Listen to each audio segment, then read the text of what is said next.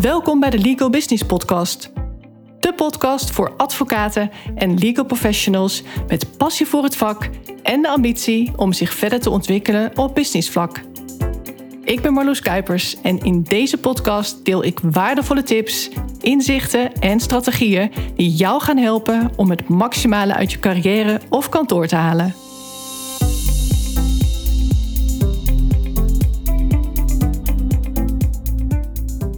Zoals je wellicht weet, kijk ik graag naar programma's als The Profit en Shark Tank, programma's over ondernemerschap. Wat maakt nou dat het ene bedrijf enorm succesvol is, terwijl een ander bedrijf in soms dezelfde niche enorm struggelt? Zowel de sharks in Shark Tank als Marcus Lemonis, de investeerder om wie het programma The Profit draait, ze letten vrijwel op dezelfde dingen. Ik ga eerst wat lessen met je delen van deze investeerders. Wat maakt dat zij wel of niet met iemand in zee gaan? Dat zijn natuurlijk ook eigenschappen die voor jou belangrijk zijn. Ondernemerschap speelt ook een belangrijke rol in de advocatuur en is eigenlijk relevant voor iedere zakelijke professional die werkzaam is in een commerciële omgeving. Daarna zal ik een concreet voorbeeld geven van een samenwerking tussen Marcus Lemonis en een ondernemer in het programma The Profit, die te maken heeft met brand identity en wat jij daar als legal professional van kunt leren. Om even bij de basis te beginnen. Wat mij opvalt is dat geen enkele investeerder in zee gaat met een ondernemer die weliswaar een heel goed business-idee heeft of zelfs al een heel aardig bedrijf heeft staan, maar in wie ze niet geloven als businesspartner. Ondernemers die gewoon niet geschikt zijn voor het ondernemerschap. Soms zijn het ondernemers met een hele hoge opleiding of zelfs een hele staat van dienst, maar die toch niet geschikt zijn voor het ondernemerschap. En dat heeft weer te maken met bijvoorbeeld de volgende dingen. De ondernemer is niet daadkrachtig genoeg en twijfelt te veel. Sommige ondernemers beseffen niet dat ze een heel goed aanbod hebben gekregen, maar willen het onderste uit de kan. En vaak krijgen ze dan juist de deksel op de neus, omdat een shark die een goed voorstel heeft gedaan, dat aanbod al snel weer intrekt als er niet snel ja wordt gezegd. Veel ondernemers willen natuurlijk het liefst van elke shark eerst het aanbod horen en dan pas beslissen om zo de beste deal te krijgen. Dat is natuurlijk niet onbegrijpelijk, maar het shift wel de machtsverhouding. Degene die een investering wil ophalen, laat de investeerders als het ware pitchen. En bovendien zie je dat de sharks zich laten inspireren door het aanbod van de ander en daar dan net iets beters van maken, terwijl ze anders wellicht een veel slechter aanbod hadden gedaan. Dus ik kan op zich wel snappen dat zo'n shark zoiets heeft van: ja, dit is een heel goed en fair aanbod. Take it or leave it. Maar ik wil dat iemand ook ja zegt omdat het aanbod van mij komt. Want die sharks die investeren naast veel geld ook hun kostbare tijd en energie. Ze brengen hele waardevolle expertise in. En als een ondernemer dan staat te twijfelen en te wikken en te wegen, ja, dan voelt dat ook als: nou, die is lekker enthousiast.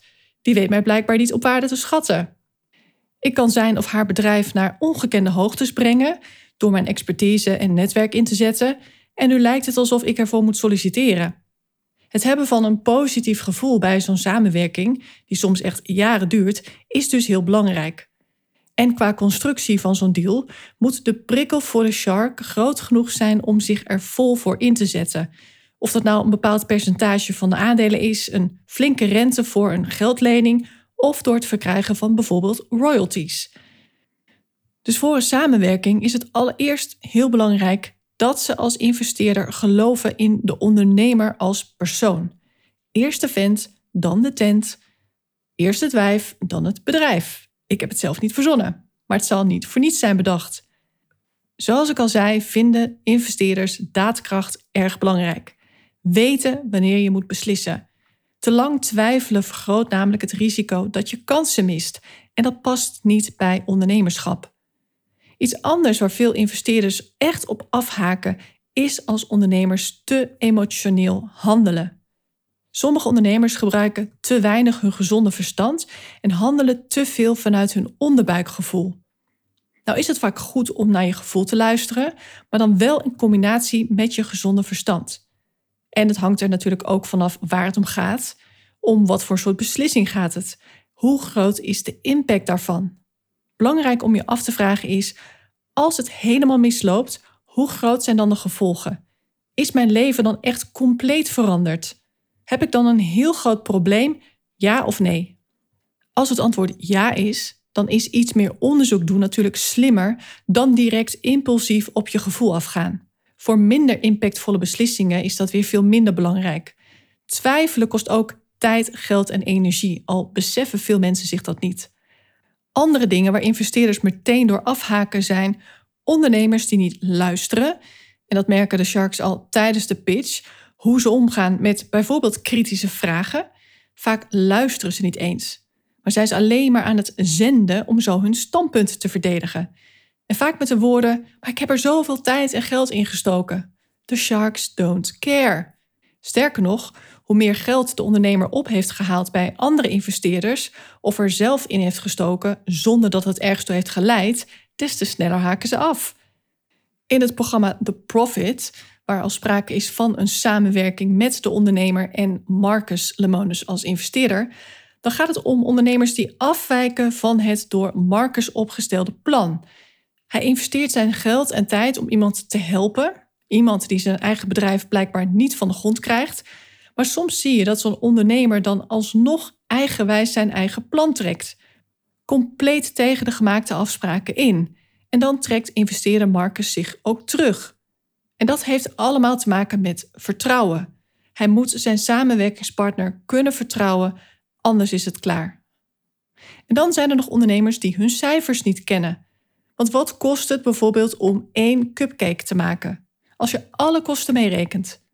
En dan maakt het nogal wat uit of het 5 cent meer of minder is per cupcake. Laat staan als het nog veel meer scheelt. Alles draait om marge en netto winst. Die vraag stel ik ook altijd als kantoren willen uitbreiden qua team. Wat gaat iemand doen? Wat kost iemand en wat levert het onderaan de streep op? Is dat interessant? Ja of nee? Wat win je er bijvoorbeeld mee door bepaalde dingen niet meer zelf te hoeven doen, maar te kunnen delegeren? Of door cliënten niet langer te hoeven doorverwijzen naar een ander kantoor, maar de expertise zelf in huis te halen. Je moet dingen wel doorrekenen. Meten is weten, zeggen ze wel eens. Andere afknappers van de investeerders zijn ondernemers die geen marktonderzoek hebben gedaan. En jawel, dat komt voor. Ondernemers die een enorme voorraad hebben aangelegd van soms wel tonnen, maar ze hebben nog niets verkocht. Ze weten dus niet eens of er überhaupt wel behoefte bestaat aan wat ze op de markt willen brengen. De volgorde is dan verkeerd. Je wilt eerst weten of er behoefte is aan jouw dienst of product en pas dan ga je het op grote schaal produceren. Dus eerst maar eens wat samples maken en een eerste kleine hoeveelheid zien te verkopen, in plaats van een heel magazijn te huren en die te vullen met voorraad die met een beetje pech ook nog eens een beperkte houdbaarheidsdatum heeft. En dan zijn er nog ondernemers die te impulsief zijn. Daar houden investeerders ook niet van. Denk aan ondernemers die al een tweede locatie willen openen en daarvoor zelfs al een huurcontract zijn aangegaan, terwijl vestiging 1 nog niet eens goed loopt. En dan doel ik op überhaupt winstgevend zijn. En de laatste die ik voor nu wil benoemen is ondernemers die geen focus hebben als het gaat om hun aanbod. En nu komen we tot het kernonderwerp van deze aflevering: het hebben van een zakelijke identiteit. Een echt merk zijn. Want dat maakt pas dat je kunt spreken van branding en dus ook aan marketing kunt doen. Het vermarkten van jouw merk. Dat geldt voor het ontwikkelen van een productlijn, maar dat geldt ook zeker voor zakelijke dienstverleners zoals advocaten en notarissen. De aflevering van The Profit die mij inspireerde tot het opnemen van deze podcast ging over een vrouwelijke ondernemer die samen met haar partner een cosmetica-lijn had ontwikkeld. Het bedrijf was al winstgevend en succesvol te noemen. Ze genereerden een omzet van een paar miljoen en een netto winst van een paar ton op jaarbasis. Dus ze waren profitable. De ondernemers hadden Marcus, de investeerder, zelf benaderd omdat ze voelden dat er meer in zat. Marcus gaf aan: Jullie hebben weliswaar geen falende business, want jullie maken winst, maar jullie hebben wel een strugglende business, want ze zaten tegen een plafond aan.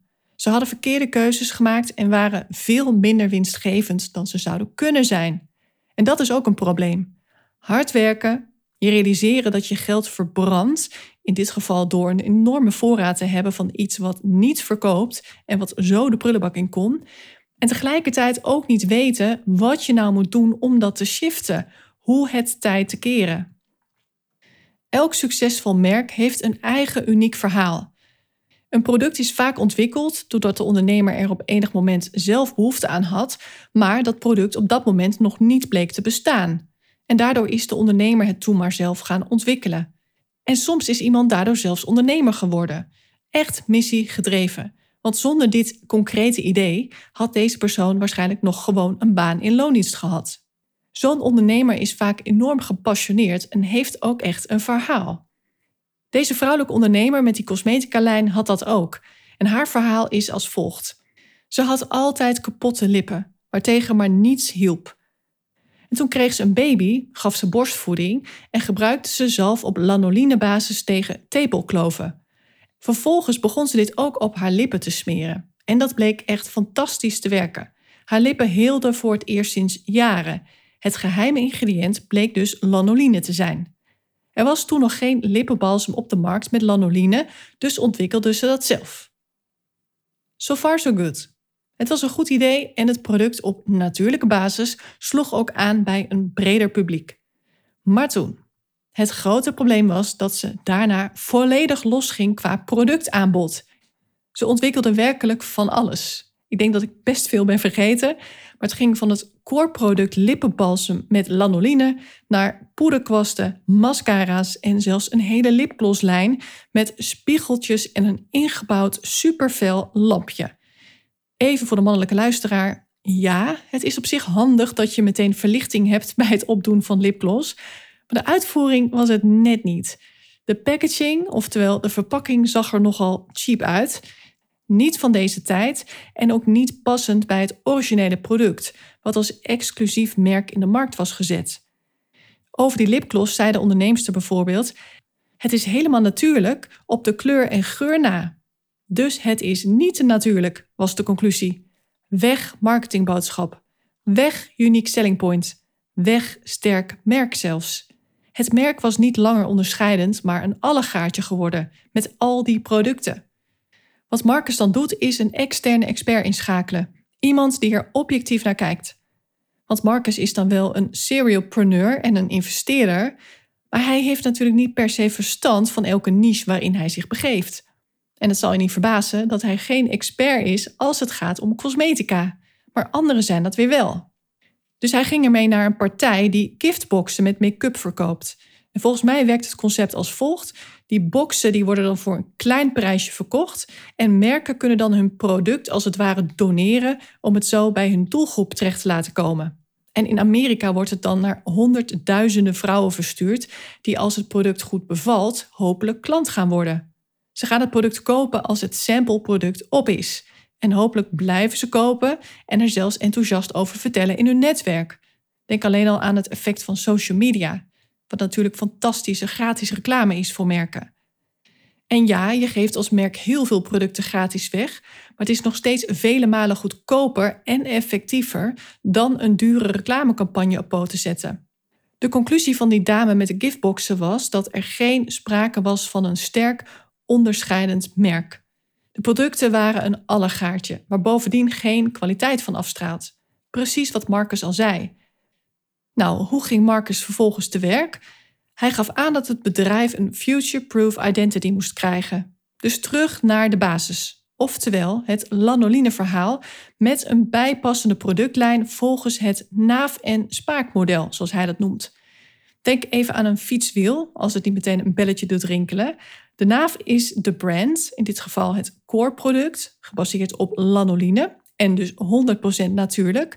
Daaromheen wordt een productlijn ontwikkeld met een aantal producten die perfect passen bij het merk, waardoor het echt een geheel is. Een logisch geheel ook. Alles moet helemaal in lijn zijn met het merk.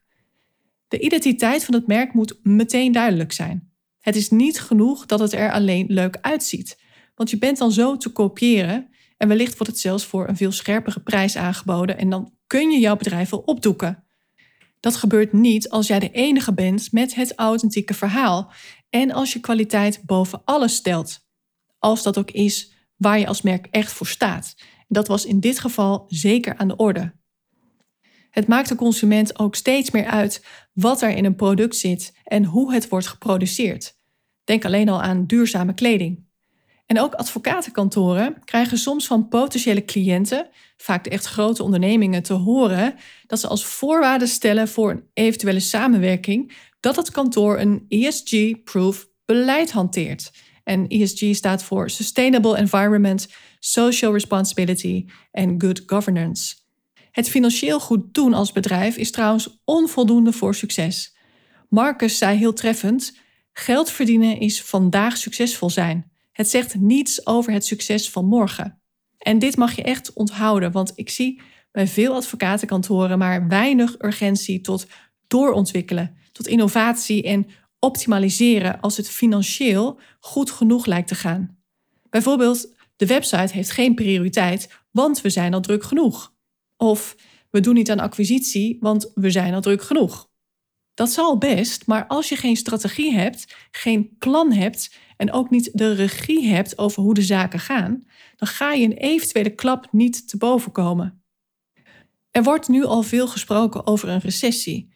Maar als je met het oog op een recessie juist nu de hand al op de knip houdt, niet investeert, maar juist in de freestand gaat staan en daarmee dus niet zorgt voor versterking van jouw positie in de markt, ja, dan ga je ook echt veel last krijgen van de recessie. Dat kan ik je garanderen.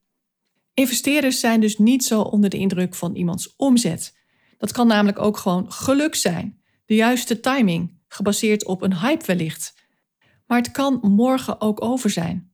Het gaat dus om een solide basis, een goede fundering en onderscheidend vermogen hebben vanuit waarde. Alleen dat maakt dat je duurzaam succesvol kunt worden als bedrijf of kantoor. Dat cosmetica-bedrijf was weliswaar winstgevend, maar had geen hart als bedrijf. Niet meer althans. A company without a soul. En dat is niet interessant. Mensen voelen dat. Je hebt een identiteit nodig als bedrijf, als merk. En wat mij opvalt is dat advocaten vaak geen heldere zakelijke identiteit hebben. Het is vaak onduidelijk wat ze precies doen. Datzelfde geldt voor kantoren. Soms is het ook een allegaartje als je kijkt naar het aanbod. Ze willen iedereen kunnen bedienen, lijkt wel. De cliënten die op zoek zijn naar het exclusieve maatwerk, maar ook de koopjesjager die voor weinig geld een simpel contract wil scoren. Maar dat zijn twee uitersten, twee totaal andere doelgroepen en die spreek je dus ook niet op dezelfde manier aan. En je kunt je niet op twee zulke verschillende type cliënten tegelijk richten als het gaat om jouw marketingboodschap. Wat zet je bijvoorbeeld op jouw website en wat vermeld je op jouw LinkedIn-profiel? Door alles te willen zijn voor iedereen ben je uiteindelijk niets voor niemand.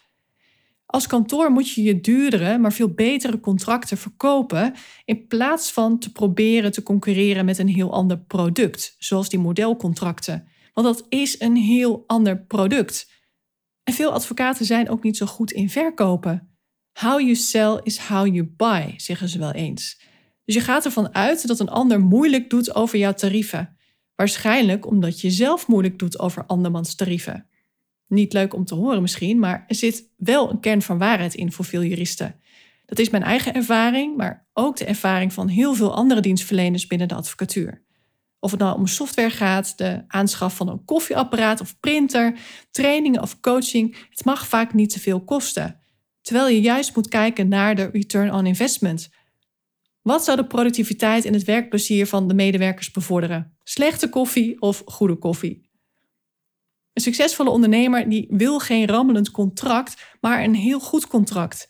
Die wil namelijk geen juridisch gedoe, maar dat juist voorkomen. Als jij de waarde van een echt goed contract weet over te brengen, dan zal een gevestigde ondernemer echt niet kiezen voor zo'n standaard contract dat overal op het internet te vinden is. Het hangt er natuurlijk wel weer van af op wat voor type cliënt jij je focust, want daar begint het natuurlijk mee. Voor sommigen is alles te duur, en sommigen kunnen ook gewoon prima uit de voeten met een standaard contract. Zo is het natuurlijk ook. Dus richt je op de juiste mensen. Wat bied je aan en bij wie past het? Als kantoor is het daarom heel belangrijk om na te denken over waar je nou eigenlijk voor staat. Waarom richt je je op een bepaald type cliënt? Dat kan dan gaan om het soort particulieren of ondernemingen, MKB-bedrijven, zorginstellingen, overheden, multinationals, etc of een bepaalde niche, bijvoorbeeld horeca, techbedrijven, healthcare, automotive, om maar even een paar voorbeelden te noemen. Mensen haken aan op een congruent verhaal. Ze willen voelen dat jij hen begrijpt en dat je echt specialistische kennis hebt, waardoor ze beseffen dat ze bij niemand beter af zijn dan bij jou. Dus probeer eens te kijken op welke manier jij je houdt aan het naaf- en spaakmodel. Past wat jij aanbiedt wel bij jouw kernboodschap? Hoe interessant ben jij als merk? Oftewel, hoe zit het met jouw corporate identity? En dat geldt ook voor jou als personal brand. Want wat ik ook vaak zeg, je doet het niet alleen voor het kantoor waar je nu werkt. Want dat is voor velen niet altijd een hele grote prikkel. Vooral niet als je bij een gerenommeerd kantoor werkt, waar in feite werk genoeg is natuurlijk. Maar je doet het vooral ook voor jezelf, voor jouw eigen marktwaarde. Want wat als je naar een ander kantoor gaat of voor jezelf begint? Weten mensen dan wat jij doet? Ik hoop van wel. Dat gezegd hebbende, het is nog niet zo eenvoudig. De advocaten die ik help bij het vinden van een personal brand en unieke marketingboodschap, die zijn altijd verrast van het eindresultaat. Wat er ontstaat als je alle lagen afpelt. Deze week zei iemand nog tegen mij: Je speelt echt met woorden. Je zegt dingen net even anders, waardoor het zoveel scherper en beter wordt. Een woordtovenaar als het ware. We waren onder andere bezig met vacatureteksten. Hoe zorg je er nou voor dat precies de juiste persoon zich aangesproken voelt en gaat reageren? Duidelijk jouw wensen aangeven als kantoor en het gewenste profiel schetsen van de ideale kandidaat, maar dan wel op zo'n manier dat het heel aanlokkelijk wordt om te reageren.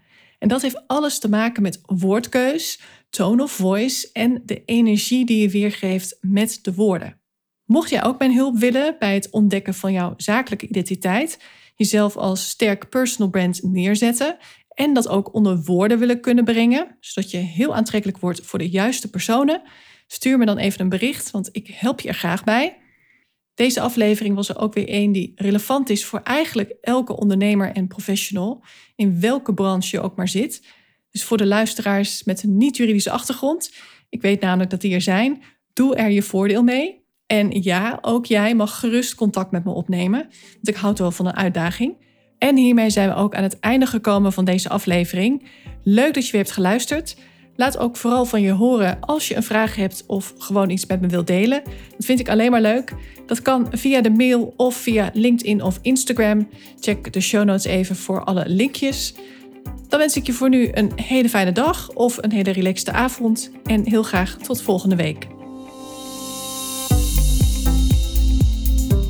Dankjewel voor het luisteren. Mocht je deze podcast waardevol vinden, abonneer je dan of volg mijn podcast zodat je geen aflevering hoeft te missen.